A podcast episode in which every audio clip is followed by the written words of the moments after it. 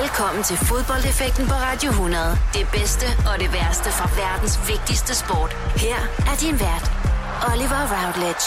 I feel glorious, glorious. Velkommen til denne uges udgave af Fodboldeffekten, programmet, hvor I vi altså snakker om minder. Minder, som kan forankre en person til et vist sted med nogle visse personer, og som skaber den glæde og eufori, som kun fodbold kan. Og til at snakke om de her minder, så skal jeg til hvert på program have besøg af folk, som elsker fodbold, og det har jeg igen i denne uge. Velkommen til dig, Christian Mørk Rasmussen. Tak skal du have. Du er U17 bilandstræner og fast tilknyttet Mediano som øh, ekspert, hvor du også laver podcast om fodbold også. Ja. Du har jo taget tre minder med til det her program. Det har alle mine gæster. Var det svært for dig at holde dig til, til tre minder? Ja, da jeg først sådan, øh, for alvor gik i gang med det, så synes jeg, det var det. Øh, og der var jeg nødt til at sætte en eller anden form for sådan kriterier op for at kunne vælge, fordi der, der er så mange ting, øh, jeg har oplevet gennem fodbolden, og det har fyldt øh, en eller anden rolle i, i hele mit liv, sådan set. Øh, så jeg var nødt til sådan, på en eller anden måde at øh, skabe et filter for, for, hvad jeg skulle have ind og snakke om, fordi øh, hvis jeg skal være helt ærlig, så er min allerstørste minder, det er faktisk ikke dem, jeg har med, men det er sådan noget i min, i min helt egen lille karriere. Mm. Og det tænker jeg alligevel ikke er så spændende for andre mennesker at høre om. Om øh, hvordan det lige var, da vi spillede 0-0 med Frankrig over i regnen i Kolding og så videre. Ja. Så jeg har taget ting med, som andre mennesker også skulle kunne relatere lidt til. Og hvorfor tror du, fodbold er sådan en god sport til at danne altså, som minder, som, man, som jeg kan sidde her og lave et radioprogram om? Ja, altså det, det har jo selvfølgelig noget at gøre med, at, at fodbold det er så verdensomspændende, som det er. Det vil sige, at det, når, når jeg er ude at rejse alle mulige steder, så, så kan jeg næsten altid snakke om fodbold med folk. Mm. Øh, og så har vi jo også det her med, at der bliver ikke scoret så mange mål, og det er jo det, der nogle gange får nogen til at stå af. Men det gør også, at når vi så får det der ene mål lige til sidst, så er det forløsningen på 90 minutter, hvor man har siddet og ventet og ventet og ventet. Øh, så det er sådan en kombination af de ting der, der gør, at det bare det skaber sådan nogle øh, referencepunkter for en, synes jeg.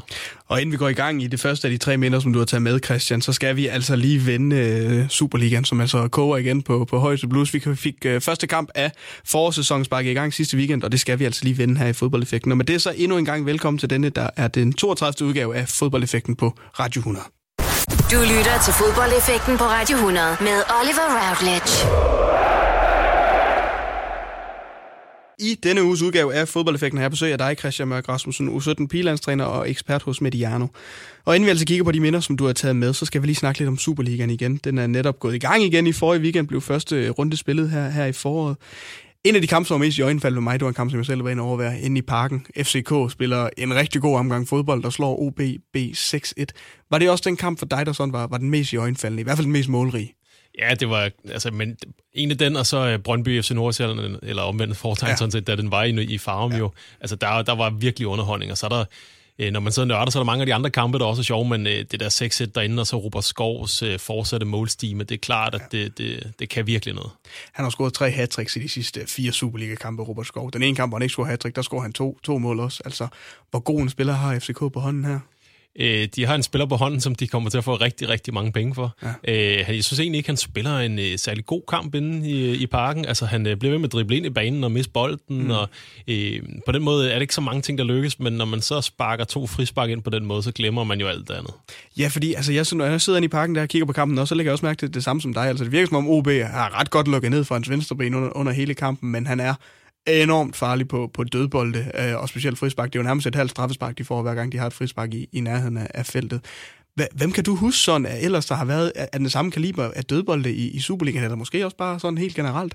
Ja, så skal vi ud internationalt. Øh, altså, jeg optog en udsendelse her for nogle dage siden med, med Rasmus Monnerup, der har gået lidt igennem nogle af de største frisparksskytter. Ja. Og øh, der tror jeg, det er ham, der hedder Juninho nede fra, der spiller mange år i Lyon, som ja. scorede 77 mål i, i sin karriere. Og der skal, tror jeg, Rasmus har regnet ud, at man, altså Robert Skov skal op nogenlunde score 6 mål på frispark per sæson i resten af sin karriere for at nå det opad. Så der er jo et lille, lille stykke vej endnu. Øh, og han har jo ikke mål inden for Silkeborg på helt samme måde på frispark, så der er jo også noget, der kører for ham lige nu. Men øh, altså, det er meget, meget imponerende, og det er også en selvforstærkende effekt. Så den første, han sparker ind, det er virkelig, virkelig godt sparket ind. Mm. Nummer to er jeg ikke sådan vildt imponeret over, men havde også en fornemmelse af, at den går ind, fordi nummer et går ind. Altså ja. fordi uh, OS målmand Grydebust, han aner ikke, hvor han skal gå hen i målet for den kan ende alle steder. Det virker også, som om den kommer meget hurtigt på, på, på Grydeburs, altså han nærmest bliver overrasket, fordi den er ikke ret langt fra ham, altså, men, men han kan ikke gøre noget. Nej, men den kommer med så meget fart, og samtidig det den lige knækker lige netop inden for rammen, fordi ja. øh, øh, jeg synes heller ikke, den sad langt ude i, i den ene side. Den sad ret meget midt i målet. Øh, men det er faktisk også svært at sparke midt i målet med den fart, og få det knæk på den lige hen over muren. Øh, det er ikke alle, der bare gør det. Nej, det tredje mål, han scorede, det var jo på straffespark. Straffespark, som der kan diskuteres, men i hvert fald så, så blev det dømt. Øhm, der var jo lidt tumult omkring det her straffespark. Altså en mål, øh, måltast i angriber, Pietro Sotrio fra FCK, ville rigtig gerne have sparket det, og virker meget utilfreds, synes jeg i hvert fald, når jeg kigger på billeder fra kampen, at han ikke fik lov til at sparke det. Det var aftalt inden kampen, for vi at vide, at det var Robert Skov, der skulle sparke straffespark. Hvad synes du om hele den episode? Og ja, det er sådan en, som man skal passe lidt på, hvordan man håndterer som, som træner. Og jeg synes egentlig, Ståle, Ståle får rigtig god opbakning af sine spillere, fordi der er flere af de ledende figurer i, i FCK, der er over egentlig at tage fat i Soterio. At de har både Kvist på banen på det mm. tidspunkt, de har Bjelland på banen, som er over meget tydeligt at markere, at prøv at høre, det er Robert Skov, sparker, det skal du bare ikke blande dig i. Og Ståle Solbang er jo meget, meget øh, hurtigt til efter kampen, og også at vande, og man kan se sådan nogle billeder, hvor han bare råber, Pieters, og så peger han bare ned, ned og juble og ned sammen med de andre. Øh, og det håndterer han egentlig rigtig, rigtig fint. Øh, og så er han jo ude at sige, at det er nogle kulturelle forskelle, og vi har en angriber, der gerne vil score. Øh, og det, det synes jeg, det er fint at vise en forståelse for det. Øh, men det er også bare, at vi må sige, at, at den skal så så det jo bare lade være. Ja. Hvis vi skal kigge på nogle af de andre kampe, som, som blev spillet i, i, i Superligaen. Altså det starter jo fredag aften, hvor, hvor AGF kommer i gang igen, finder 2-0 over Esbjerg. Hvad er det for et forår, de skal, de skal til i gang med AGF? Og ja, det er altid, øh, hvad var det programserien hed, mellem håb og håbløshed, ja. altså, og det er lidt der, vi er. Jeg synes, der er meget at vinde for AGF lige nu. Øh, der er, de har fem debutanter med i den kamp her, de, øh, de er tæt på top 6. Det er som om, at man er begyndt øh, at kigge lidt mere frem imod det, i stedet for hele tiden skulle undgå noget. Mm. Og jeg synes, det, på den måde kan det se rigtig, rigtig godt ud for AGF. Det er også som om, at det nu er blevet, hvis man kommer i top 6, så vil det være en stor, stor sejr for klubben. Øh, så på den måde synes jeg egentlig, det ser fornuftigt ud. Øh, men de er jo også bare et sted, hvor to nederlag, og så, øh, så er det meget negativt igen. Den er jo meget tæt, Superligaen. Altså, der er ikke ret langt, som du så siger, to nederlag, så, så er man nede igen, og en klub, som godt kunne bruge øh, nogle sejre, det er altså også øh, Sønderjyske. Øh, Glenn Edersholm er tilbage på, på trænerbænken der, efter en lille, øh, ja, meget, meget kort tid op i Vendsyssel. Øh, han taber 2-0 i, i Vejle. Hvad, hvad er Glens sådan mest fornemme opgave, han skal ind og, og løse i Sønderjyske i sin tid her som, som træner i foråret? Ja, han skal jo se, om man kan på en eller anden måde udvikle Sønderjyske som klub, og som, øh, som deres spillestil, og den måde, de angriber kampene på. Altså, de, øh, de er egentlig ret gode i den kamp her mod Vejle. De mm. taber bare kampen, og det er jo så også det, der er det mest afgørende. Ja. Det er også det, han er meget tydelig ude at kommunikere efterfølgende, forsøger ligesom at få fokus på selve præstationen, og ikke så meget på resultatet. Og øh, det er der, han vil skulle ind og arbejde de næste par runder, øh, og så skal han øh, bruge en sejr, fordi ellers så tror man jo ikke på, på på præstationen længere. Nej, og så var der jo øh, den tidlige kamp søndag op i uh, Hobro, hvis vi lige skal gå alle kampen igennem, det kan vi lige så godt, mens er i gang. En 0-0-kamp imellem uh, Hobro og, og Horsens. Hobro, der jo skal, skal bruge nogle point her i, i, foråret, der har også lavet en fin serie med dem ind på deres egen YouTube-serie, hvor de ligesom uh, så kampen om, kampen om ikke at rykke ned simpelthen for dem. Um, Hobro og Horsens, hvad er det for nogle to holder, og, og hvad skal vi forvente os af dem her det, det næste stykke tid? Ja, jeg synes egentlig, det er spændende nok, det Allan Kuhn forsøger med Hobro, og han forsøger egentlig at skabe et hold, der tør at kunne dominere kampene og gå ud og angribe kampene. De har jo også de har tydeligt trænet flere forskellige ting, som så bare ikke kunne lykkes på den uh, relativt dårlige bane, der var i Hobro. Uh, så på den måde er det egentlig spændende nok, og de er begyndt, altså han er også meget tidligt uh, ude bagefter at sige, at vi fik et point, og nu er vi på tavlen. Mm. Og, og jeg tror, det er sådan det, de vil bygge frem mod. De kommer til at spille nedrykningsspil, og det ved de jo også godt selv. Uh, og så på den måde skal de få opbygget noget positivt, og de skal se, om de kan komme ud og kunne dominere nogle kampe mod nogle af de andre modstandere, når vi kommer hen i det helt afgørende. Forhold til Horsens, så er Horsens er bare sådan et inspirerende projekt på en eller anden måde. Bo Henriksen øh, synes jeg er inspirerende at følge. Øh, de spiller en helt sindssygt kedelig kamp oppe i Hobro. Øh, den var virkelig svær at holde koncentrationen til. Øh, men, men Horsens er også bare der, at nu har de et point mere, og øh, give dem øh, en 12-13 point mere, og så, øh, så er de glade for den sæson her. Ja, og nu siger du, at det er jo, det er jo, det er jo inspirerende at følge Bo Henriksen, det er helt enig i. Altså, jeg, nu kan jeg huske fra dengang, jeg selv var yngre, og, og, og kunne se ham som, som Brøndshøj-træner også i sin tid. Altså, han har altid været en mand, der han har aldrig været bleg for at ligesom stikke næsen frem. Det, han er gang i i Horsens, er det ikke noget, der sådan bliver lidt undervurderet? Altså, han er jo, øh, for mig virker som en træner, der virkelig har, har no- og kan noget, øh, men samtidig som en træner, hvor alle spillerne skal købe 100% ind på det projekt, der er Bo Henriksen. Ja, det er sindssygt. En, altså, det er virkelig, virkelig godt gået af ham, og nu, øh, nu siger du undervurderet, det er jeg egentlig enig i, men han er så også lige blevet nomineret til årets træner blandt, ja. øh, blandt fire udvalgte, så på den måde er der også noget faglig anerkendelse af ham i, i miljøet. Øh, det, er, det er måske også et sted, hvor det kan være svært at være sådan længe som spiller, fordi med, altså, der kører så meget på intensiteten, og det er så meget på den samme klinge, øh, så på den måde vil han også øh, ofte have sådan lidt stort, øh, ud, en stor udskiftning af spillere, men han er jo selv øh, god til at blive lang tid i en klub, det viser mm. han i Brøndshøj, øh, og det han har lavet i, i Horsens er meget, meget beundringsværdigt. Hvis vi så skal hoppe op til, øh, til Limfjorden, en klub, som altså cementerer det dårligste hjemmehold øh, i, i Superligaen, og meget, meget længe, jeg kan huske, OB taber øh, 3-0 hjemme på hjemmebane til Randers, ligner et hold, der slet ikke var, var klar til at spille den fodboldkamp.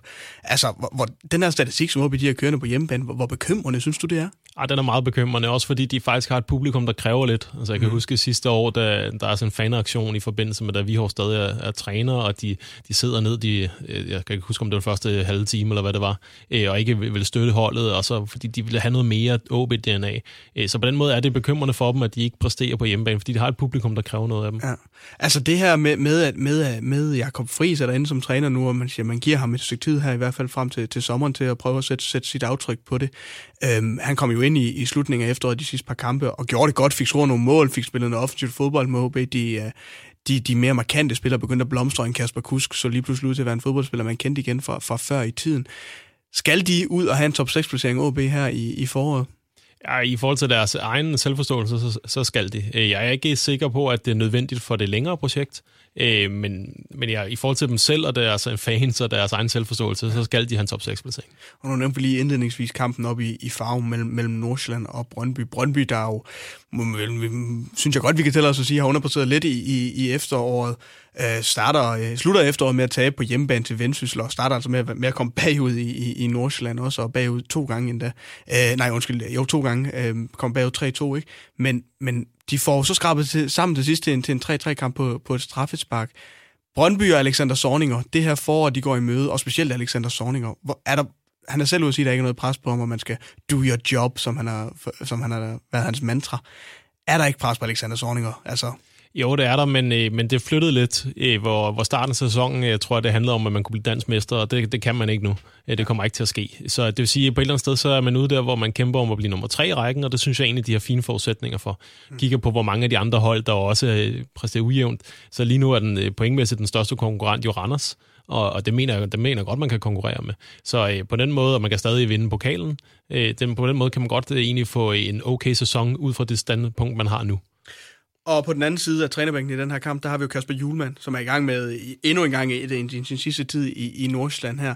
Et, igen et projekt, hvor han har fået bygget Nordsjælland op til at spille noget rigtig flot fodbold med alle de her unge spillere, som de har. Kasper Julemand i Superligaen. Hvor meget skal vi nyde den sidste tid, vi har af ham her i, i den her omgang, hvis vi kan sige det sådan? Ja, men altså, som, som træner er han øh, noget af det mest inspirerende at følge, fordi han er så kompromilløs, øh, og han, øh, han har nogle visioner for spillet, og er villig til at gøre det på sin helt egen måde, øh, og vil noget mere end øh, blot at vinde den enkelte kamp. Mm. Når det er sagt, så går han jo også op i at vinde, det er jeg helt ja. med på. Men jeg, jeg synes virkelig, vi skal nyde ham, men jeg er ikke sikker på, at hans sidste kamp, i, eller sidste halvår i Superligaen. Så sagtens se ham øh, på et eller andet tidspunkt øh, tage et projekt op i en anden klub. Ja. Og hvis vi så lige skal vende den sidste kamp, der også var øh, mandag aften, det var oppe i Jørgen, øh, i min hjemby, Vendsyssel tog imod øh, FC Midtjylland. En 1-0-sejr til FC Midtjylland, mange vil kalde det en, en pligtsejr.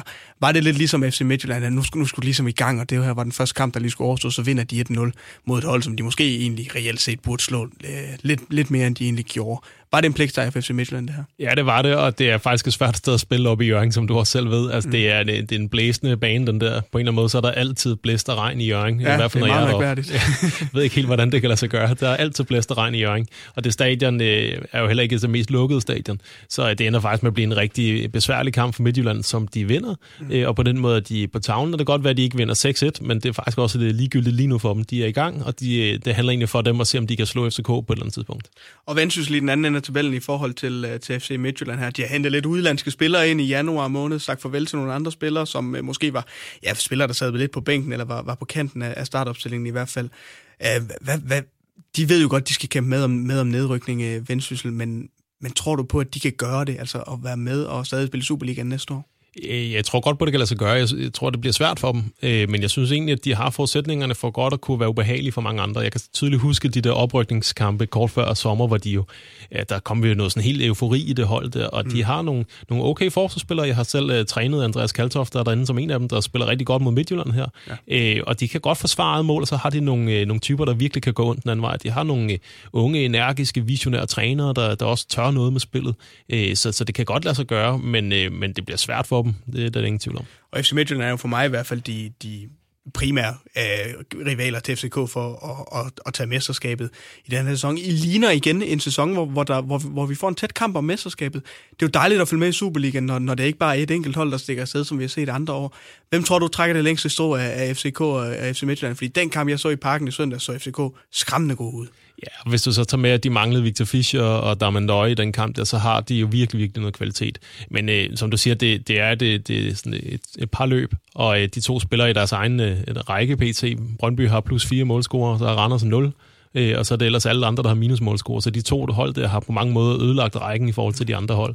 Øh, jeg tror på FC København, men øh, jeg vil bestemt ikke undervurdere FC Midtjylland. Jeg synes, det er en meget, meget spændende trup, de har sammensat. Og Christian Mørke, hvis du skal bestemme, øh, hvis du må vælge en spiller og en klub, som du glæder dig ekstra meget til at følge her i foråret, hvor, hvor havner vi så hen der?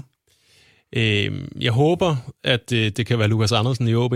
Jeg synes, han har det største potentiale i hele rækken. Øh, jeg synes, han kan nogle virkelig, virkelig spændende ting, og jeg synes ikke, det er forløst endnu. Øh, jeg synes, at øh, derudover Simon Hedlund i Brøndby så meget, meget spændende ud. Men, øh, men jeg synes, Lukas Andersen har så spændende et potentiale, og jeg håber, han forløser det, fordi så vil han være en eminent spiller i Superligaen.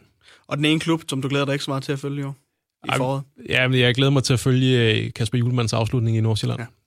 Det er altså øh, alt sammen dejligt for os, at Superligaen den er oppe og kører igen. Men nu skal vi videre til øh, programmets ja, egentlige handling, ud over lige at, at forvente Superligaen her. Vi skal videre til at snakke om øh, de tre minder, som du har taget med, Christian Mørk.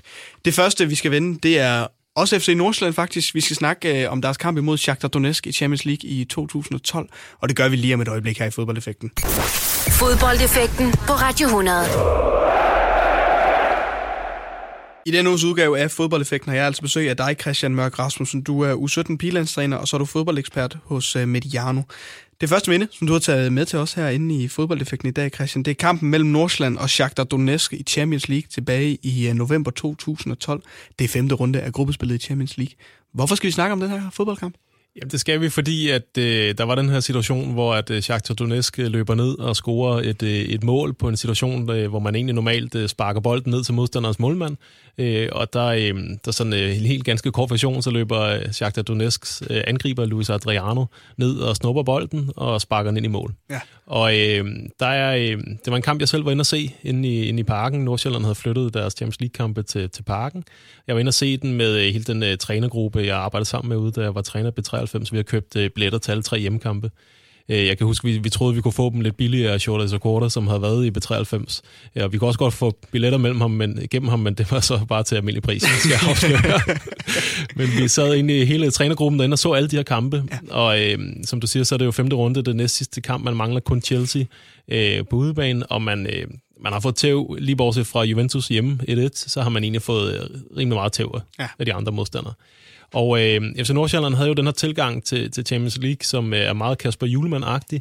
Altså, at øh, vi spiller vores spil.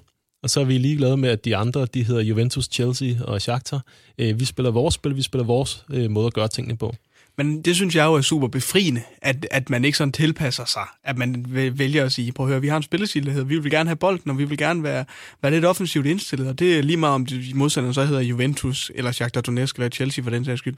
Synes du ikke også det? Altså nu er du også selv øh, en del af trænerverdenen, at det er befriende, at man ligesom har den indstilling, der bare siger, ved du hvad, sådan her spiller vi fodbold. Helt bestemt, og det er sådan noget, som vi ungdomstrænere mange gange bliver skudt i skoene, at det er kun fordi, vi træner ungdomsbold, og vi går så meget op i at, at spille på vores egen måde, og når man så kommer over seniorverden, så handler det altså om at vinde. Ja. Og der var det inspirerende at se en, en træner sige, jamen, jeg bruger det her som en måde virkelig at få testet vores spillestil på. De har vundet det danske mesterskab der i, om, om, i, om sommeren, ja. øh, og virkelig henrykt den måde, med den måde, de spillede på. Og så tog man så de her kampe internationalt, hvor man sagde, jamen, nu vil vi prøve at øh, bare afprøve vores spillestil i et internationalt setup.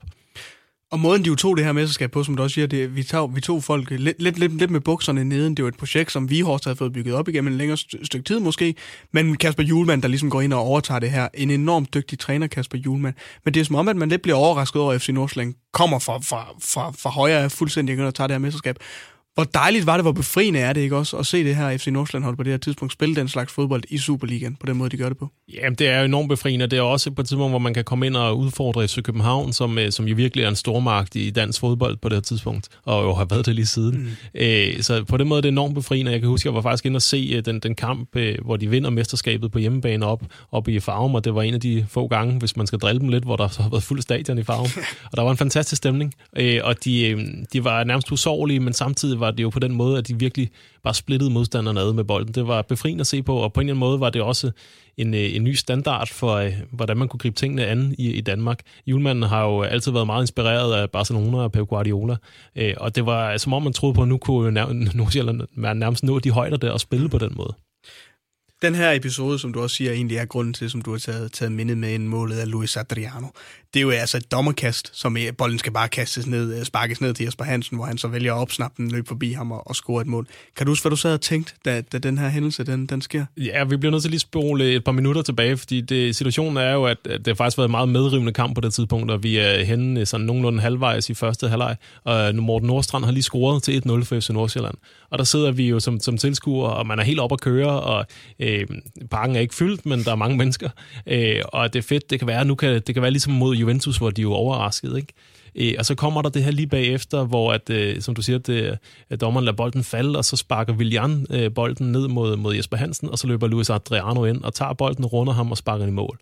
Og øh, der er sådan en, øh, Jesper Hansen stopper også op, kan jeg huske, og kigger sådan lidt ud, og sådan, dommer, du må da fløjte, der må da være et eller andet. Altså, det her, det må man jo ikke. Det er jo, det er jo mod alle, alle fairplay-regler, alle de ting, som vi går og arbejder på. Og så den her sådan kontrast mellem øh, Kasper Julmans øh, meget, meget rene måde, på en eller anden måde at se spillet på, ja. næsten frelste, kan man sige, øh, og så over til det her øh, rendyrket øh, snyd inden for lovens rammer. Mm. Det var sådan den kontrast imellem det, hvor man simpelthen var så farvet.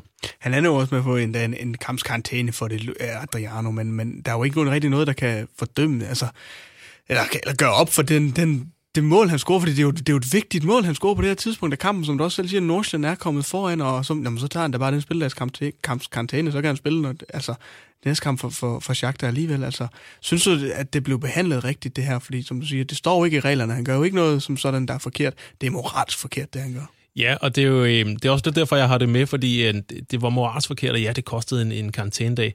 Men i det lange løb, så vandt Shakhtar på at gøre sådan her. Hmm. Øh, og det er, sådan, det er der, hvor jeg nogle gange øh, kan have det svært med min egen sportsgren, fordi de, de, lange løb, så vandt de på det her. De, de fik tre point ud af det. Øh, nu, nu er med på, at han udligner til 1-1. Øh, men, men, og de var også ude, jeg kan huske, træneren han var ude og sige sådan, vi vil gerne have givet dem en mål bagefter, men jeg havde en enkelt spiller, jeg tror, der er ham, der hedder Stabanenko, der, der, der midtbanespiller for, for, for Shakhtar, som løber ind og stopper. Altså, de har egentlig blevet enige om alle spillerne, at nu løber Nordsjælland bare ned og scorer. Nu lavede vi som om det her, det var en, ja. en fejl, men, øh, og så er der en enkelt midtbanespiller for Shakhtar, der ikke vil, og så kan du bare ikke lade sig gøre. Mm. Og, øh, og så er træneren ude at sige bagefter, kan jeg huske Shakhtars træner, at Nå, men, vi var glade for, at Nordsjælland scorede så alligevel, for de kommer foran igen 2-1. Og det gjorde de, fordi vi var forvirret. Og det er simpelthen så rent dyrket. altså det, jeg bliver sådan helt forarvet over det, når når jeg tænker på det igen, fordi det, det var ingen, der tror på, Nej. det her. Og det, at, at selvfølgelig var han ikke glad for det. Og øhm, de, altså, det er ikke et mål, Nordsjælland bare fik. De skulle have lavet Nordsjælland løbe ned og score, mm. og så skulle de have pillet uh, Luis Adriano ud af kampen, som jeg ser det. Ja. Øh, og det er bare det sted, hvor man, man kan ikke gøre noget. Øh, og Karma ramte desværre heller ikke Shakhtar i denne forbindelse. Nej, for jeg skulle til at sige, at det har måske været rigtigt at pille Luis Adriano ud, som du også selv siger, men det gør man ikke, og han spiller jo rent faktisk en kamp, hvor han ender med at score to mål yderligere og score hat Sad du med en dårlig smag i munden, når man kunne se ham juble i et hat Altså og tænkte, du burde ikke være på banen, du burde øh, slet ikke spille den her kamp mere? Ja, fuldstændig. Jeg kan også huske, at der var, jo, at der var en enorm øh, sådan, øh, vred stemning inde i parken, men jeg kan også huske, at vi bagefter tænkte, jamen, det, altså, han fik, fik ikke nok straf ud af det her på en eller anden måde. Øh, og det er ikke fordi, at han fysisk skulle afstraffes på nogen som helst måde, men man, man sad lidt og håbede på, at der var en, der ville klappe ham ned ind på banen. Øh, og jeg, jeg, udover at han scorer to mål til, så Willian, der laver oplægget til den første, han scorer også to mål. Hmm. Og øh, så, øh, så har Shakhtars træner endda frækheden til lige at skifte begge spillere ud sådan lige i slutningen af kampen. Så de kan blive klappet. ja, fuldstændig, så det kan blive piftet ud af banen. Og man sad bare med sådan en afmagt og tænkte, det er simpelthen løgn, det her. Jeg kan huske, at jeg havde i en af de tidligere episoder af Fodboldfækken besøg af Mikkel Beckmann, som ikke spiller den her kamp, men sidder på, øh, på tribunen og siger simpelthen, at han sidder med sin søn på tribunen og bliver nødt til at give sønnen til sin, uh, til sin kone eller kæreste, der på det tidspunkt. Han kunne simpelthen ikke styre sig selv. Han havde, han havde ligesom dig, at han havde lyst til at, eller håbet på, at der var en inde på banen, der simpelthen bare sparkede ham ned, for han skulle ikke være på banen mere. Men det her, det er jo også et, et svært dilemma, fordi, at, som vi også siger, der står ikke noget i fodboldloven om, han ikke må men det er moralsk forkert. Hvis det var en af dine spillere, der har gjort det her, altså nu er det jo en gratis omgang at sige, men, men hvordan vil du reagere? Jamen det, ja, det er en gratis omgang, øh, og øh, jeg har egentlig tænkt sådan de følgende, jeg har tænkt nogle scenarier lidt igennem, mm. og øh, så kan man sige det, fordi jeg har med ungdomsfodbold at gøre, men, men personligt vil jeg pille dem ud af kampen. Ja. Øh, jeg har faktisk også selv prøvet før at stå i, i, i en kamp, igen i en ungdomskamp, det er jo 17 drengekamp, og råbe ind til en spiller, at hvis, øh, hvis du fortsætter med det der, så piller jeg dig ud. Fordi at det, det, jeg har nogle unge spillere, der skal lære noget, og det, det vil jeg simpelthen ikke finde med Men altså, Shakhtar var slet ikke det sted, og jeg kan også huske, de bagefter ud og sige hjem, om der var også snak om, skulle vi starte anden halvleg med så at give Nordsjælland et mål. Men på grund af alt det skubberi og øh, tumult, der var efter første mål, så, så synes vi ikke, vi kunne vil gøre det. Så altså, come on. Øh, hvem hvem er vi her? Det er jo mærkværdigt, at Shakhtar kan få FC Nordsjælland til at lyde som the bad guys i den her øh, episode. Ikke? Lige præcis. Øhm, men hvis vi sådan lige skal kigge på, på, på FC Nordsjællands agerende i Champions League. Nu snakker vi om, de spiller deres eget spil øh, i Champions League hele vejen igennem, men de får altså kun det her ene point imod på hjemmebane mod Juventus, vil jeg mærke, hvor Mikkel Beckmann i, i øvrigt scorer. Øh, det er jo dejligt for et dansk hold at være med i Champions League, og sådan det er det er FC Nordsjælland, og ikke et FCK, som har været det mange gange. Hvordan synes du, nu siger vi, de spiller deres eget spil, men, men skulle, de, skulle de måske have overvejet at gøre noget andet? Øh, det, jeg har lyst til at sige nej. Og øh, grunden til, at man også gik så meget ind og diskuterede det her dengang, det var jo, at de har fået den her direkte plads øh, gennem FC Københavns øh, tidligere øh, gode europæiske placeringer. Mm. Øh, så der var sådan lidt en fornemmelse af, at de har fået en, ikke en fribillet, men de har fået noget hjælp til at komme i Champions League, og så gik man så lidt i gåsøjne op i at skabe resultater og få point tilbage til Danmark. Ja. Og øh, selvfølgelig har man et eller andet ansvar der, men men jeg, jeg tænker også, at, øh, at de faktisk ikke har noget andet valg. Altså, hvorfor skulle man ændre sin spillestil fuldstændig? For den har virket til at komme dertil, og det var det, de kunne finde ud af. Og så, øh, så må jeg også bare sige, at altså et er Chelsea og Juventus, som er to store hold, som de fleste kender. Men når man kigger ned over den der startopstilling, som Shakhtar havde, har vi nævnt Luis Adriano, vi har nævnt Villan, men det er også Henrik Mkhitaryan, det er Srana på, på bakken, det er Fernandinho, der spiller i City i dag, det er Douglas Costa siddende på bænken. Ja. Altså, det er nogle virkelig, virkelig dygtige spillere. ja, om de har altid haft mange gode brasilianere i omkring, ja. øh, i omkring Shakhtar. Øhm, nu siger du, at du ender kan se kampen på det her tidspunkt, hvor du træner i, i B93. Hvad var grunden til, at I har valgt at købe billetter til de her tre kampe? Var det fordi, I synes, at FC Nordsjælland spillede flot fodbold, og I ville ind og overvære det? Nej, det var som, som sådan en fælles uh, træner i ting, at nu gør vi noget sammen, og vi har, altså kampen var lige ved siden af, det er den største scene, det er ude for lige at få noget inspiration. Og ja, der var selvfølgelig noget inspiration i, i Nordsjælland, det var også for at se de her store hold. Øh, så, så vi kom i god tid før for at se opvarmningen, hvordan øh, bærer de største spillere sig ad den, øh, hvordan, øh, hvordan sætter trænerne tingene op. Så det var sådan, øh, sådan en fælles ting for, for trænergruppen, øh, men lige så meget øh, også for at kigge på de her øh, hold udefra, fordi vi kunne altid se Nordsjælland, øh, og selvfølgelig ville vi gerne se dem på størst mulig scene, øh, men vi ville også gerne se de her hold udefra, de store nationer der. Og nu lykkedes det jo så heldigvis Julemand øh, at forvandle det her FC Nordsjælland hold til, til et mesterhold. Vi siger, at han tager over for Vihors, hvis vi lige skal blive ved snakken om moral og tik. Vihors er jo et med vilje spark, et straffespark ved siden af i sin tid, for ligesom ja. at, at, sige, det, var, det, det, skulle vi, det mål skulle vi ikke have. Men hvordan lykkedes det Julemand at, at forvandle sådan et Nordsjælland hold til, til at kunne spille i Champions League og vinde det danske, danske mesterskab? Ja, det er jo sådan en kombination af rigtig, rigtig mange ting, og øh, det er efterhånden også ret anerkendt, at, øh, at det var lige så meget det, han havde Flemming Petersen, som var hans sådan, assistent, og sådan øh, hele, der kunne tænke de store visioner, det er lige så meget kombinationen af dem, samtidig med, at vi på en eller anden måde bygget noget op, og har lavet et godt fundament. Ja. Så får de jo øh, scoutet nogle, nogle spillere, der fungerer rigtig, rigtig godt til lige netop det her. Øh, Jorel Sokoro spiller noget af det bedste fodbold, han har spillet. Øh, han spiller også godt lige, da han kommer til England, øh, men øh, passer perfekt ind i det her. Og for på en eller anden måde øh, får de lavet sådan en konstellation, hvor Joshua John også spiller det bedste, man nærmest har set fra ham. Ja. Man har nogle spillere, der virkelig, virkelig lykkes godt sammen, samtidig med, at man er sat ind i, i så tydelige rammer, som Julemand virkelig er dygtig til at skabe. Og så rammer man et tidspunkt, hvor der er en lille nedgang for FC København, og på den måde kan man komme ind og fylde. Så, så man rammer et tidspunkt, hvor der er lidt et vakuum, man får selv bygget noget rigtig, rigtig godt op, og så kulminerer det lidt på den måde. Hvad betyder de her store kampe i, i Champions League for de danske hold? Altså, altså nu, nu bliver det spillet den her kamp i parken, ikke? men vi har også set det før, hvor, hvor OB og, og FCK har været en tur på Old Trafford og spillet. Barcelona har også været inde i parken og spillet. Hvad betyder de her store europæiske kampe for, hvordan der bliver set på dansk fodbold? Ja, det er jo sådan en målestok lidt at se, hvor, hvor er vi henne af. Og jeg kan også huske, at øh, jeg tidligere har læst, at, øh, at det er nogle af de her kampe, der er med til at åbne vinduet for Kasper Julemand til at komme til udlandet senere. Mm. Og på den måde kommer der noget faglig respekt omkring det, han har præsteret. Og der er nogle klubber, der godt kan se på det, sådan det længere øh, perspektiv, at, at det er en fordel at have en mand inde, der tør være så tro mod sin strategi, og ikke bare ændre fra uge til uge. Så på den måde skaber det noget respekt internationalt omkring ham, øh, men viser egentlig også en, en måde at gå, gå til tingene på øh, som, vi, som vi kan i Danmark på det her tidspunkt, hvor det også præger den måde, Morten Olsen spiller på på, på A-landsholdet, som vi har egentlig i hele den her periode virkelig et ry for i Skandinavien at være dem, der går rigtig meget op i at, at have bolden og ture spille flat op igennem. Og det er jo så et ry, der også langt, langt hen ad vejen har, øh, altså vi har vedholdt sidenhen, når vi tager ud med ungdomsholdlandshold diverse steder, øh, jamen så, så er vi kendt som Skandinaviens brasilianer, ja. øh, fordi vi egentlig tør det her. Så det, det byder sådan lidt ind i en dansk selvforståelse. Hvis vi skal kigge på din opfattelse af den her kamp, altså kan du huske noget, øh, en lignende situation for andre kampe, eller er det her som bare en, en, en, en, en gang, hvor du har siddet med den fornemmelse i kroppen af, at prøv at høre, det der, det er så forkert, og altså moralt forkert på så mange områder. Altså kan du huske andre kampe, andre tidspunkter, hvor du har haft det på samme måde, som du havde det, da du så den her fodboldkamp? Øh, ja, nu sidder jeg virkelig og prøver at tænke mig om. Øh, jeg kan ikke huske et helt konkret eksempel lige nu, men, men det er en følelse, som jeg har det enormt svært ved generelt. Mm. Det samme med, i, med, med mit eget hold med, med U17 Piland, så det, når vi spiller. Hvis jeg føler, at vi bliver snydt af modstanderne.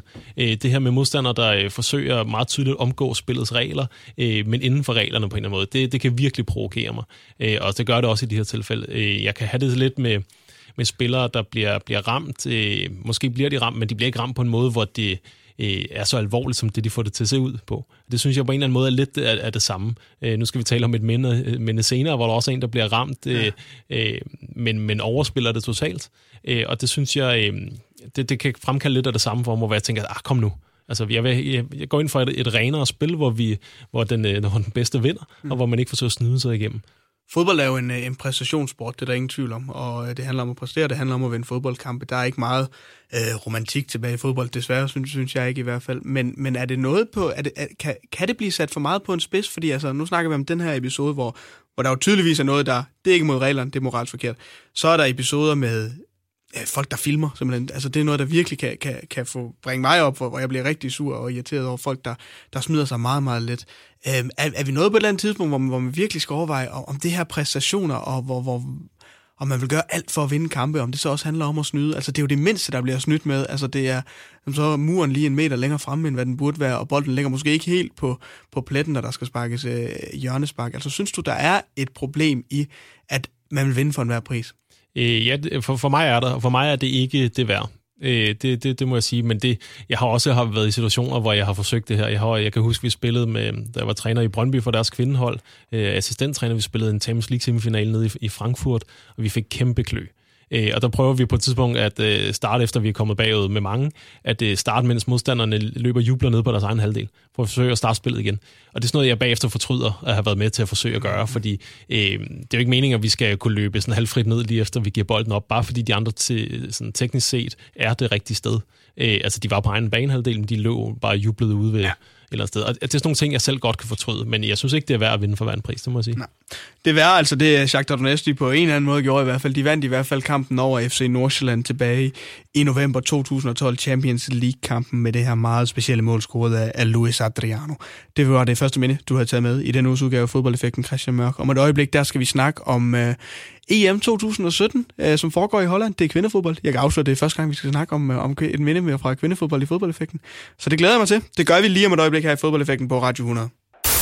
Fodboldeffekten på Radio 100. De største og de værste øjeblikke i fodboldhistorien. I denne uges udgave af Fodboldeffekten er så heldig at besøge dig, Christian Mørk Rasmussen. Du er U17 Pilandstræner, og så er du fast tilknyttet Mediano som øh, ekspert, og hvor du altså laver podcast om fodbold. Det andet minde, vi skal til, det handler om, øh, om pigefodbold, om kvindefodbold. Det er EM-finalen 2017, Holland imod Danmark, og hele turneringen øh, op til, har du skrevet. Det her, øh, som jeg også fik sagt lige før, det er rent faktisk det første minde i fodboldeffekten, som er fra, fra kvindefodbold. Men det er i hvert fald også for mig den turnering, som ligesom øh, gjorde, at, at man, hele Danmark virkede på mig, fik øjnene op for, for kvindefodbold. Men, men fortæl mig, hvorfor vi skal snakke om det her minde? Jamen, det er jo blandt andet også derfor, vi skal snakke om det. Øh, det er klart, at jeg, jeg, jeg kommer fra den verden af, og har rigtig mange oplevelser gennem den verden, og så, så tænker jeg, et er, at øh, jeg rigtig gerne vil bringe det ind, men noget andet var, at det skulle helst også være noget, som andre mennesker også kunne relatere til. Så, øh, så jeg synes, det på den måde var oplagt. For mig er det, det sker kort efter, at jeg, jeg er blevet ansat som 17 pilandstræner, øh, og jeg havde egentlig fornøjelsen af at være i, i Holland i lidt over en uge. Øh, jeg boede dernede i, øh, lidt ude for Amsterdam sammen med, med en gruppe venner, og vi har kørt egentlig rundt og så kampe. Så jeg når egentlig at se uh, syv kampe live til, til EM dernede. På nu? På, uh, nej, det bliver så med finalen bliver det lidt over en uge. Men okay, ellers så, ja. så vi de første seks kampe på en uge. Så vi tog nogenlunde en, en kamp om dagen, både i, i et rigtig fint hus dernede, uh, og de, de mine venner der, de spiller på diverse øh, sådan tophold faktisk i Europa, i, bare inden for kvindefodbolden. Så vi havde god adgang til billetter, fordi de spillede på hold med nogle af dem, der spillede for de forskellige nationer. Mm. Øh, så på den måde kunne det også økonomisk lade sig gøre, selvom billetterne faktisk var billige. Og, og, og lad os så, så lige snakke om hele turneringen. Danmark de havde kvalificeret sig ved at, ved at blive nummer to i, i deres kvalifikationsgruppe, kommer i gruppe A til EM sammen med Holland, Belgien og Norge. Var, var, var, var det ikke en ret stærk gruppe, vi havnede i her, hvis vi sådan skal, skal kigge på det først og fremmest? Jo, altså der var større forventninger til Norge, end det Norge egentlig fik præsteret. Norge har skiftet træner, skiftet til, til, til Martin Sjøgren, som har været oppe i Linköping, hvor, hvor han træner blandt, blandt andet Pernille Harder. Øh, og de var i gang med at bygge noget fuldstændig nyt op, og, øh, og det var ikke langt nok i processen, til de for alvor kunne være dygtige. Og så havde de, øh, de havde store interne udfordringer. Deres største stjerne, Ada Hækkerberg, som vandt den første gyldne øh, bold, øh, ja. Ballon d'Or, øh, her i år, øh, havde, havde problemer med at passe ind på holdet, og efterfølgende også stoppet for det norske landshold. Så vi ramte Norge på et godt tidspunkt. Øh, på den måde, de ikke egentlig ikke præsterede så godt endnu. Belgien et udmærket hold, men et hold, som vi vidste, vi kunne vinde over. Ja. Og så havde vi selvfølgelig Holland, øh, som vi heller ikke øh, kunne slå, og det har heller ikke har kunne slå sidenhen, øh, som vi har det rigtig, rigtig svært med på, på seniorniveau. Ja, fordi nu, nu, får, nu får du gået kampen igennem. Vi vinder den første kamp øh, 1-0 over Belgien på, på et mål af Sanne Trulsgaard. Så taber vi 1-0 til Holland i, i den anden kamp, og vinder igen 1-0 over Norge på, på, på mål af Katrine Veje. Øh, går så videre derfra, øh, altså til, til kvartfinalen. Øh, inden slutrunden gik i gang, Christian, hvad, hvad havde du så sådan regnet med, at Danmark de kunne opnå? Ja, jeg kan faktisk huske, at vi sad og talte om det, og øh, min forventning var, at hvis vi gik videre, så gik vi videre som nummer to, og øh, så havde jeg så en forventning om, at det ville betyde, at vi skulle møde Tyskland mm. i, i kvartfinalen. Og øh, man skal huske på, at på det tidspunkt, der har Tyskland vundet de sidste seks EM-titler. Ja. Øh, og har ikke tabt en, øh, en kamp mod i, til, til et EM i, i umenneskelige tider. Øh, så, så alle forventninger var, at her vil vi tabe. Og især hvis vi skruer, skruer, hvad det hedder, skruer lige tilbage til før runden også, der møder vi jo England og Østrig lige op til. Ja. Og Østrig sådan det her lidt upagtede, den lille nation, og vi bliver bare reddet fra hinanden mod Østrig. Den kamp kan jeg nemlig huske, jeg sad og så og tænkte, hold da op, et EM vi skal til nu, når vi lige pludselig bare bliver kørt rundt på røv og albuer imod Østrig, fordi de spillede virkelig godt i den kamp Østrig. Ja, ja. Danmark var heller ikke ret gode, men, men Østrig var rigtig stærk. Og vi havde det også svært mod England, hvor, hvor vi er bedre med, men havde det også svært mod England, og jeg tænkte, ah, okay, så, så kan vi nok ikke mod Tyskland. Og nu er det selvfølgelig nemt at sidde og sige bagefter, jamen okay, Østrig og England ender så faktisk også i semifinalen. Det var faktisk ret gode modstandere, vi, vi spillede mod. Men det, alles forventning var, at den her kamp mod Tyskland, den kommer vi ikke til at vinde. Nej. Øh, og øh, jeg, jeg, så, jeg så Danmark-Holland i, i den indledende gruppe øh, live nede i Rotterdam. Jeg så desværre ikke den første kamp, hvor jeg var dernede, men der så jeg åbningskampen Holland-Norge øh, på et fuldstændig fyldt stadion. Øh, og jeg havde så øh, fornøjelsen af at have fået sådan nogle øh, scouting-billetter, hedder det, DBU, så vi sad egentlig og skulle se det og give en rapport tilbage til, til landstræneren. Øh, og der sidder vi siden af vores U19-landstræner Søren, øh, og lige pludselig så kigger vi så ned og siger, hvorfor er alle, der er så meget opmærksomhed nede her ved et par række foran os. Det var sådan en hollandske kongefamilie, der sad dernede. og så, øh, så kigger vi over til venstre. Det var det, det er Louis van Raal, der sidder derovre. Hallo. Og så i pausen, så kommer øh, Marco van Basten gående forbi os, og tænker man, okay, der er alligevel der, der er et eller andet her. Altså, der er noget opmærksomhed omkring det her, og der er en fantastisk stemning dernede. Øh, og den tog vi ligesom med ned i til Rotterdam, hvor vi også, altså Danmark havde det rigtig svært, øh, hvor også var en fantastisk stemning på stadion. Øh, og jeg havde ligesom sådan en fornemmelse af, okay, når vi, så skal jeg også indrømme, at når vi var ude og se... Øh, ja, hvem var det ellers, vi så? Vi så Italien og Rusland, for eksempel. Hmm. Der var ikke, øh, ikke den, helt, helt den samme fornemmelse. Nej. Vi var ude og se Frankrig og Island også. Der var rigtig mange islændinge. Øh, der var en fantastisk stemning der. Men man havde ligesom en fornemmelse, at der er et eller andet i gang her. Øh, og så har vi så den her kamp mod Tyskland, hvor, at, øh, øh, hvor det regner rigtig meget.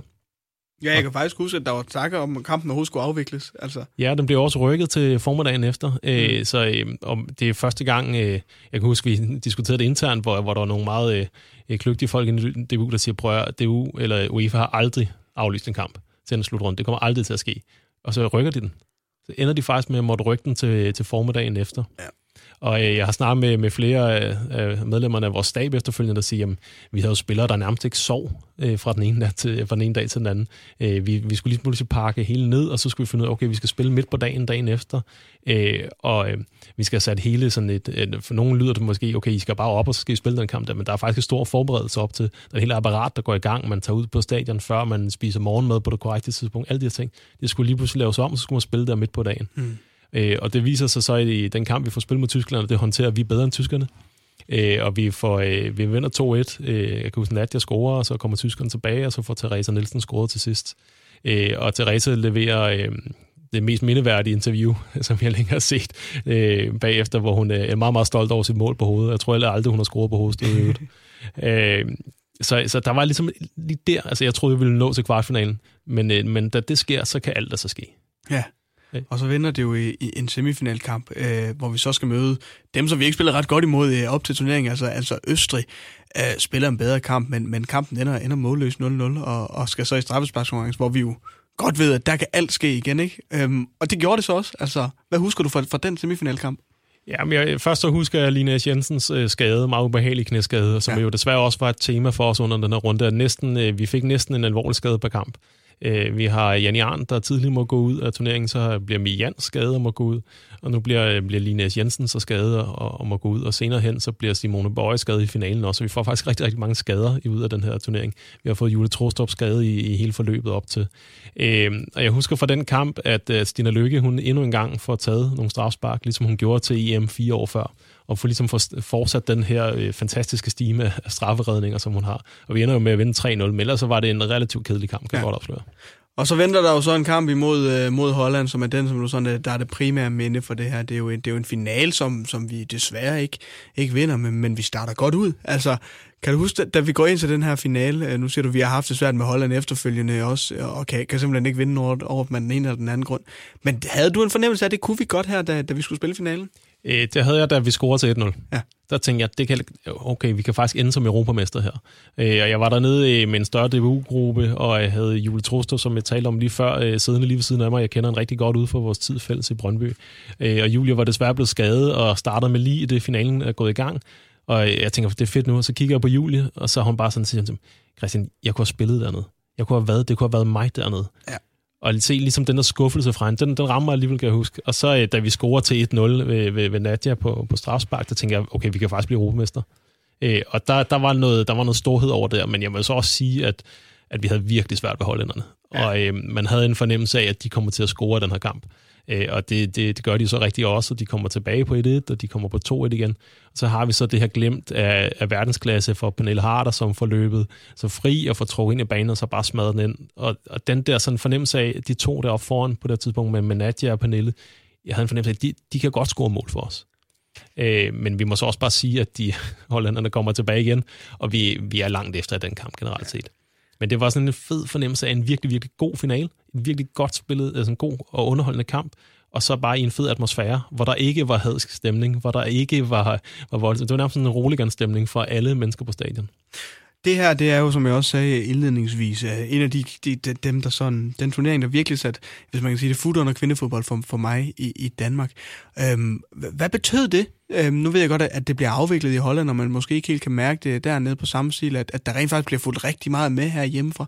Men hvad betyder det som dig, der også næsten lige var kommet ind i, ind i kvindefodbold på, på landsholdet der, øh, at man kunne mærke den her, øh, det engagement, der simpelthen var omkring kvindelandsholdet? Ja, altså så, som du sagde, så var der mange, der blev overrasket over det her. Øh, og øh, for mig betyder det sådan helt konkret, at, øh, at øh, sådan øh, en station som TV2 og TV2 News, de ved ikke rigtig, hvem de skal tage fat i. De er lige nu pludselig nødt til at dække det her, og så har jeg lavet nogle udsendelser inde ved Mediano på det tidspunkt, og så ringer de til mig og siger, kan du ikke lige komme ind og, og snakke om det her? Og jeg lige startet min, min chance som Sønderlandstræner og tænkte, okay, det, det kan jeg da godt. Øh, men de anede simpelthen ikke, hvem, hvem skal vi tage fat i? Hvem kan sige noget om det her? Hvem ved noget om, hvad der foregår? Øh, så sådan rent personligt betød det, at jeg lige pludselig fik en ramme, hvor jeg kunne tale ud fra, en scene, jeg kunne tale ud fra. Ja. Og når jeg så var nede og besøge, nu, nu jeg er som sagt nede øh, omkring øh, ned i Holland den første uges tid, og også ude og lige møde holdet en enkelt gang, og tager sig hjem og kommer ned igen til finalen. Og de har, altså, det er ikke rigtig gået op for dem. Øh, så det, de, jeg kan huske, at de lander øh, på vejen hjem, øh, altså der lige pludselig, åh kæft, der er mange mennesker, der er her for at tage imod os. Øh, og det betød jo sådan helt konkret, at, øh, at vi fik en, fik sådan en brand omkring kvindelandsholdet. Ja. At når man taler om kvindelandsholdet, så var det altså det i fodbold, og det var ikke det i håndbold eller noget som helst andet. Kvindelandsholdet, det var fodboldkvinderne. Og hvad betyder det for dig, at der er skabt sådan et brand her? Fordi nu kommer jeg jo fra, fra Jørgen, en by, hvor vi har en stolt tradition med kvindefodbold. Fortuna Jørgen har i mange år været et af de ledende hold, og er stadigvæk et af de ledende hold i dansk kvindefodbold, og har gået i, i, i, i klasse med, med flere af, af heldigvis af, af folkene, der var med til det her EM, som, fordi de spillede i Fortuna simpelthen. Hvad betyder det for dig, at, at der er det her brand omkring kvindefodbold, hvor det ligesom bliver set på værende, jamen hey, det her det er altså fedt, og det er noget, vi skal følge med i? Der er ingen tvivl om, at vi kæmper rigtig meget for at få anerkendelse og for at blive set bare nogenlunde ligeværdige med, med herrerne. Og det handler ikke så meget om penge, det handler faktisk også bare om anerkendelse for det job, vi laver også, og kvalitet og værdi. Øh, og det var det her med til at, øh, at hjælpe til med.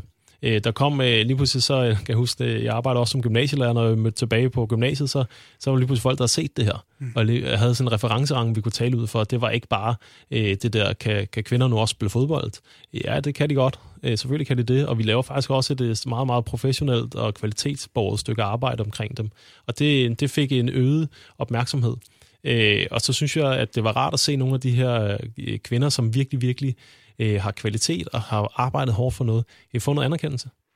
Og nu er det her øh, en, en finale, som vi, som vi taber til Holland desværre ikke, men kan man prøve at sætte nogle ord på, hvor, hvor stort det resultat det i virkeligheden var at, at, at vinde sølv til, til EM? Altså, vi slår Tyskland ud, som jo, som du også selv siger, har vundet rigtig mange EM-titler for inden da. Altså, hvor stort et resultat var det her for Danmark? Jamen, det er, det er et stort resultat, men vi skal også huske, at vi, vi har en bronzemedalje for fire år før, og vi har faktisk også blevet verdensmester en gang, øh, hvor, hvor kvindefodbold var en meget, meget lille mm. sportsgren, men øh, jeg kan huske, at jeg på et tidspunkt mødte en af dem, der har blevet verdensmester dengang, sagde, bare lige huske, at vi blev altså også modtaget på rådspladsen. Der var også mange mennesker, der gik op i det dengang. Ja. Øh, så bare fordi, jeg nu, nu er jeg selv kun lige, lige lidt over 30 år gammel, og ikke kan huske det dengang, øh, så har der faktisk også været noget før øh, hvor vi har været rigtig, rigtig dygtige. Øh, men, øh, men det var et, et stort resultat. Det, det er det helt sikkert.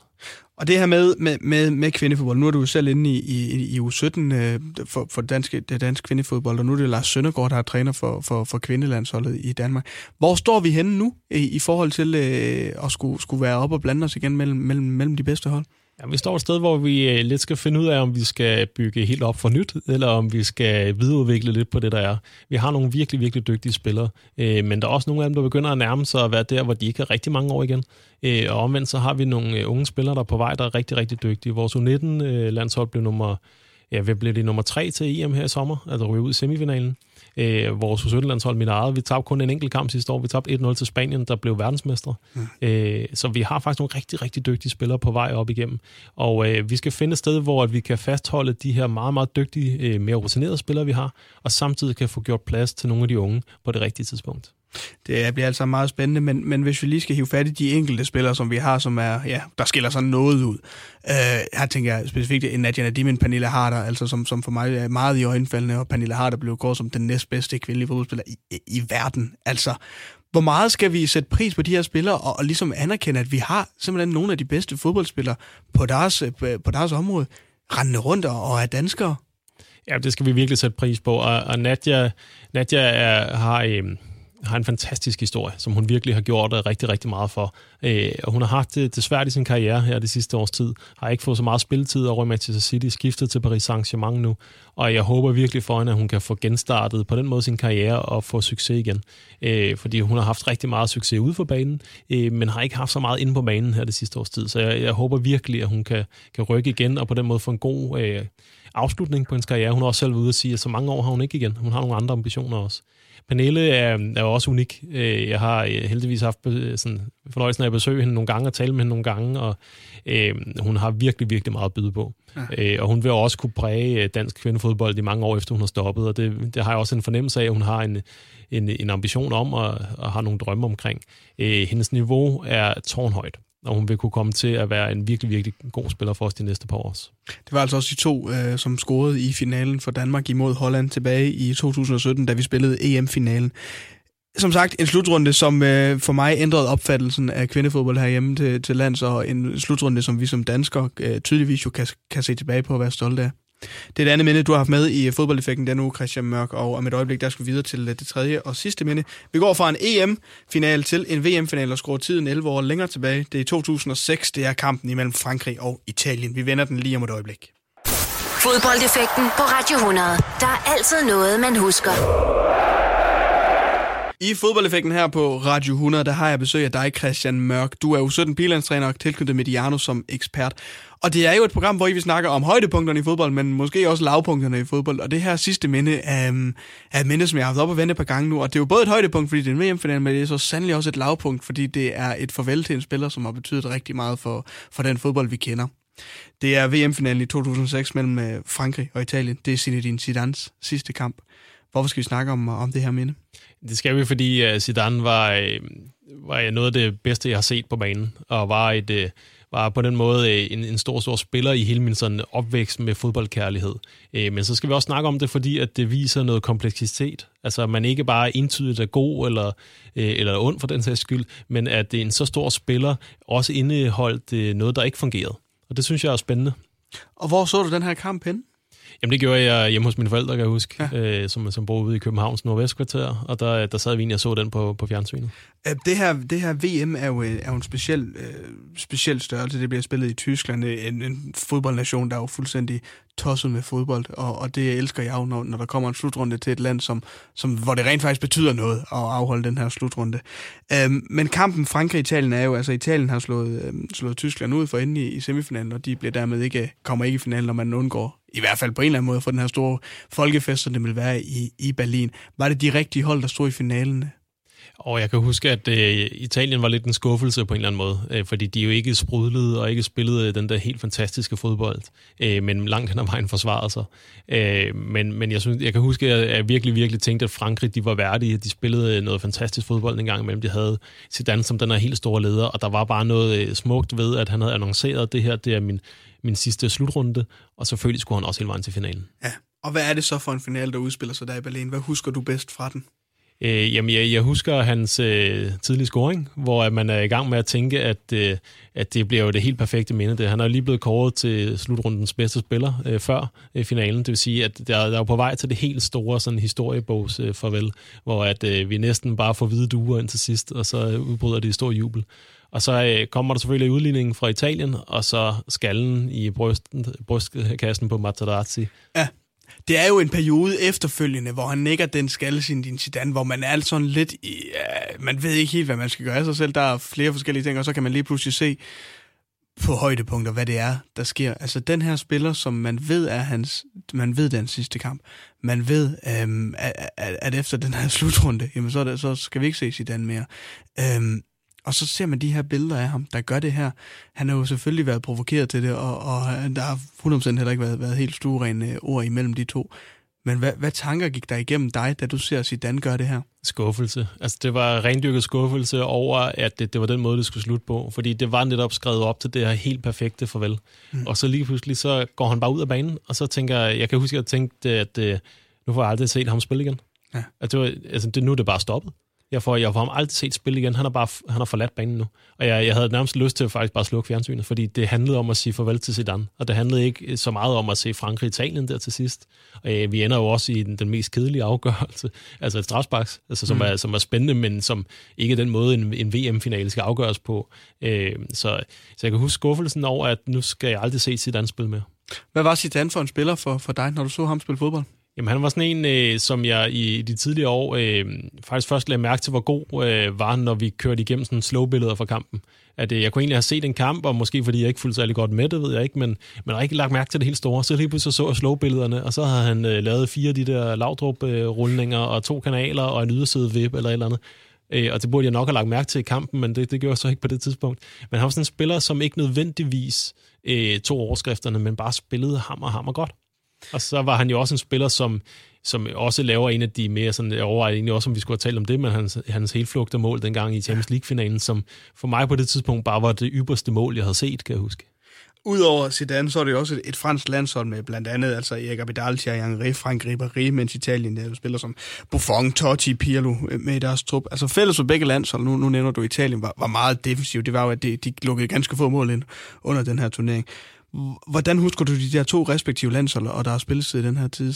Jamen, jeg, jeg husker sådan, Frankrig er sådan en udvikling, som starter tilbage fra øh, så sådan 98 og VM der, som jo var også et minde for mange danskere. Øh, en fantastisk slutrunde. Og så har de haft det hold, som også vinder EM efterfølgende, øh, og så har nogle skuffelser i nogle slutrunder, hvor der også er mange af de store spillere, der stopper. Sedan stopper jo sådan set også, jeg mener det efter 04, og kommer så tilbage til landsholdet. Mm. Og på den måde er der noget nyt undervejs, men der er stadig den her store, store spiller. Og vi er også nået ind i sådan en æra, hvor Galactic Galacticos-begrebet er, er opstået øh, en håndfuld år forinden, da han skifter til Real Madrid, og man har det her store hold i Real Madrid. Så på den måde er der sådan en superstjerne på vej i ham her, og man har bare den perfekte historie.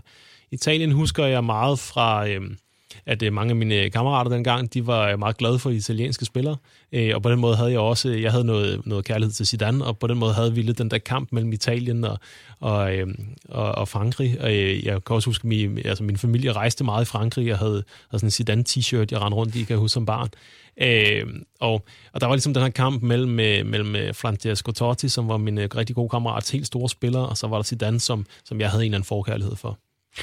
Og det her, øh, nu har vi snakket lidt øh, i, i forhold til dit første minde, til, til det moralsk rigtige og, og det moralsk forkerte.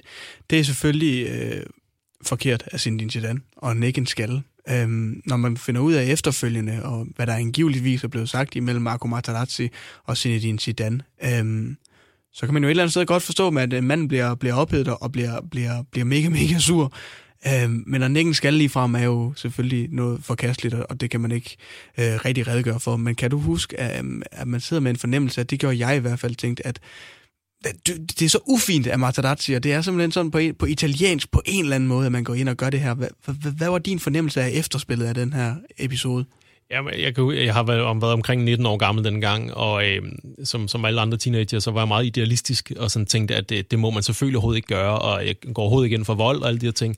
Øh, men altså reelt set, så stanger, altså det er nærmest sådan en stange med hovedet på, skal jeg tænke sådan, hvorfor, hvorfor vil jeg det? Altså, det var så underlig en ting at gøre. Øh, og så samtidig med Materazzi, der falder som om, at han er faktisk er blevet øh, slået i hovedet. Øh, men man kan se bagefter maksimalt, så bliver han ramt på hagen eller et eller andet, og det kan for, ikke for alvor gøre så meget ondt der. Så det er et eller andet sted, hvor man tænker, jamen selvfølgelig må Zidane ikke gøre det her. Men altså, Materazzi kunne også bare være gået en meter tilbage og er ikke faldet om på den måde. Ja. Og jeg tror også i dag, at vi er endt et sted i fodboldloven, hvor det kunne faktisk godt være endt med bare et gult kort, det der, fordi der er så meget fokus på at, at nedtone nogle af de her ting. Øh, så, så det var sådan lidt der, jeg egentlig var i alt det der. Hvordan tror du opfattelsen er af den her episode efterfølgende? Fordi for mig, der har jeg lidt accepteret, at det er sket. Øh, jeg synes ikke, det tager noget af sit danske karriere overhovedet, at, at han gjorde det her. Øh, jeg har lidt jeg ved ikke, om jeg vil sige sympati for Zidane, men, men jeg er på Zidanes hold på en eller anden måde i den her episode. Hvad, hvad, hvad, synes du om hele det her? Jamen, jeg har også lært at elske ham på grund af kompleksiteten, fordi han ikke bare var god eller rendyrket, sådan øh, poleret. Øh, der er jo også hele hans øh, fortid i Juventus, hvor der var anklager omkring doping, omkring holdet, som så de skal sige er blevet afvist sidenhen. Mm. Men, men der var på en eller anden måde, han fik også for røde kort. Altså, han kunne godt komme over en gang imellem. Det har efterfølgende bare gjort, at jeg på en eller anden måde holder mere af ham. Ja. Jeg havde fornøjelsen her for, for nylig at optage halvanden time med Christian Poulsen til, til en udsendelse, vi skulle lave, hvor vi også taler om hans, hans øh, blackout mod, mod Sverige, hvor han ender og slå øh, en svensk spiller i maven. Og som Christian sagde, jamen, jeg, er jo, jeg er jo også bare et menneske.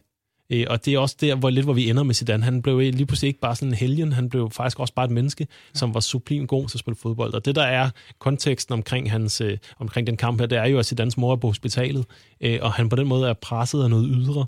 Og så er Materazzi inde og sige et eller andet omkring hans familie, formentlig. Øh, og, der, og det er det, der trigger ham. Og det, på en eller anden måde giver det mig bare noget fascination af manden, at han stadig tænker, at man stadig kan blive provokeret af det, når man står på den allerstørste scene i den vigtigste kamp.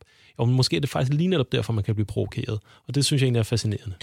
Og de skabte jo også nogle øh, helt ikoniske billeder, som jeg kan huske, når jeg tænker over det nu, for jeg stadig kan jeg stadig få gås ud af Zidane, der, der går forbi den her øh, guld VM-pokal og, og ned ad trapperne under, under, under stadionet i, i Berlin. Og det er jo ligesom på en eller anden måde, det blev hans farvel, det her, med at han, han går ned og forbi det her, den her trofæ det er selvfølgelig, øhm, det er jeg sikker på, at du vil ikke vil synes, det, det er rigtigt farvel til en spiller, men, men på en eller anden måde, så, så er det ret ikonisk også, som du selv siger, kompleksiteten i det. Ja, det indrammer ham meget godt, fordi øh, jeg havde bare et indtryk af ham som en, der aldrig helt stjal overskrifterne, øh, og som på en eller anden måde også var en holdspiller, samtidig med, at vi er ude i, at da, altså helt tilbage, da han får debut for Frankrig, der skulle han to mål i sin første landskamp, og han, han er den eneste spiller, der er både blevet udvist og har scoret øh, ved to slutrunder.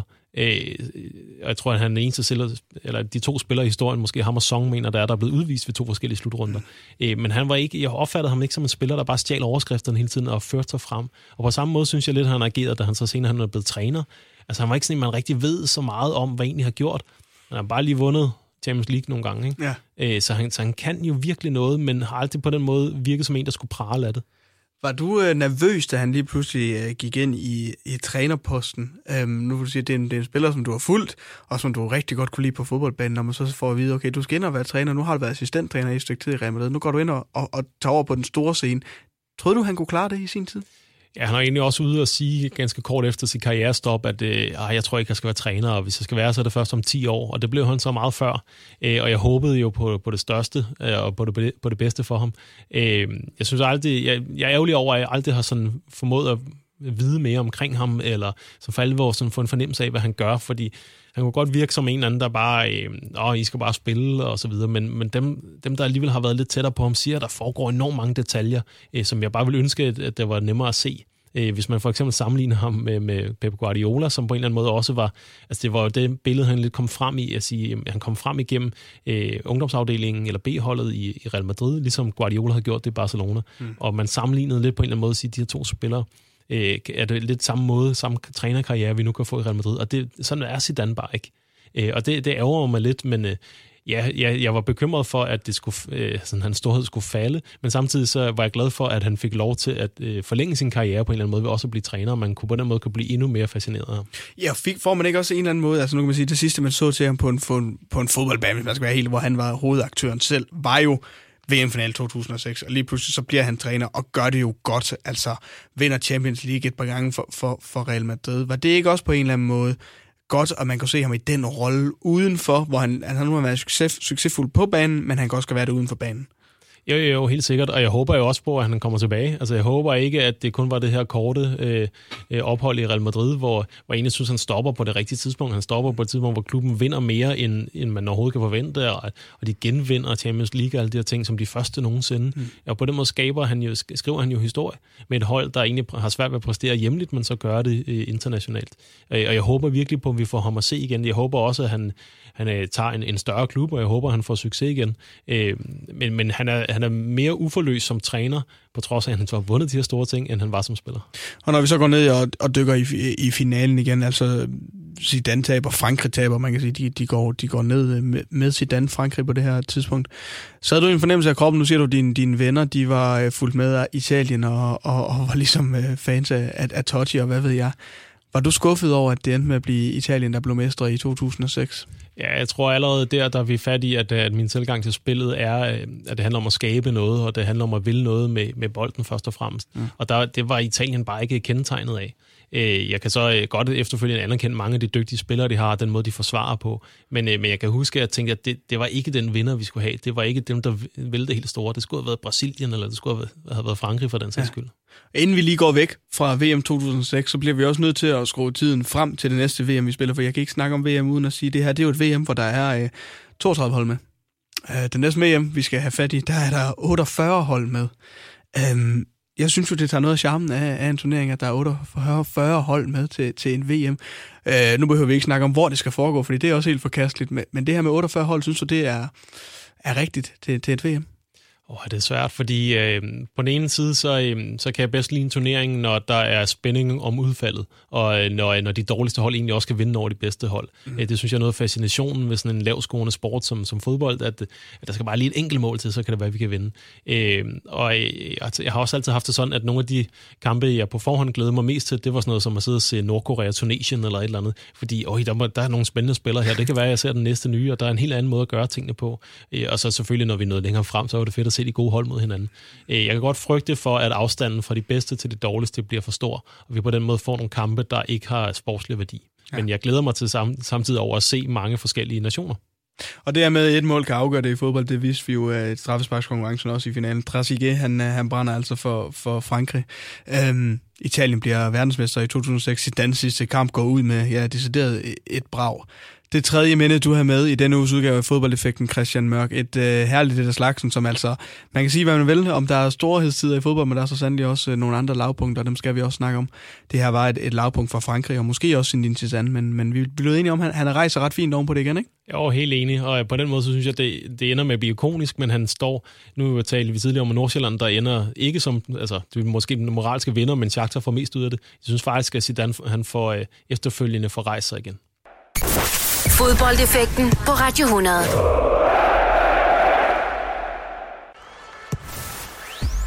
Og med de øh, tre minder og en god snak om øh, Superligaens start, altså FC Nordsjælland Shakhtar Donetsk i Champions League 2012, EM-finalen i 2017 imellem Holland og Danmark og hele turneringen øh, derop til, samt finalen ved øh, VM i 2006, Frankrig, Italien og Zinedine Zidanes sidste kamp så er vi nået til vejs ende med denne uges udgave af Fodboldeffekten. Tusind tak til dig, Christian Mørk, fordi du har lyst til at komme ind og, og dele dine tre bedste minder med mig. Jamen, tusind tak for at invitere mig.